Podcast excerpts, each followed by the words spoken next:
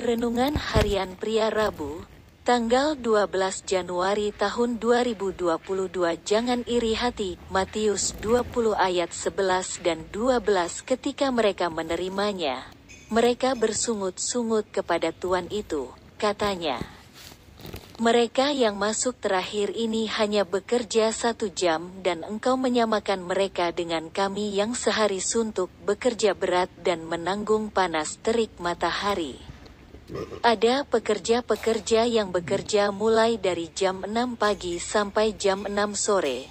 Ada yang bekerja dari jam 9 pagi sampai jam 6 sore. Ada yang bekerja dari jam 12 siang sampai jam 6 sore dan ada juga yang bekerja dari jam 5 sampai jam 6 sore.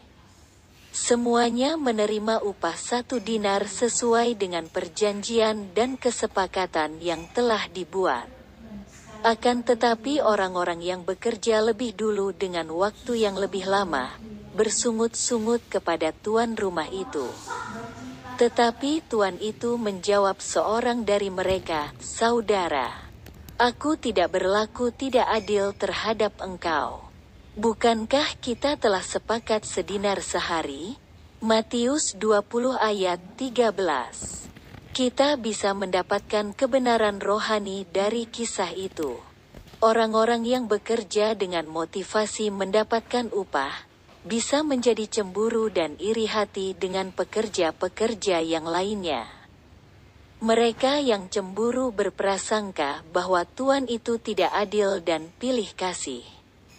Prasangka dan asumsi mereka itu salah, karena Tuhan itu bertindak berdasarkan kesepakatan.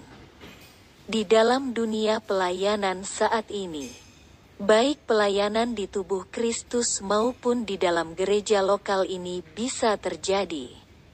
Masih ada pekerja-pekerjanya yang iri hati satu sama lainnya.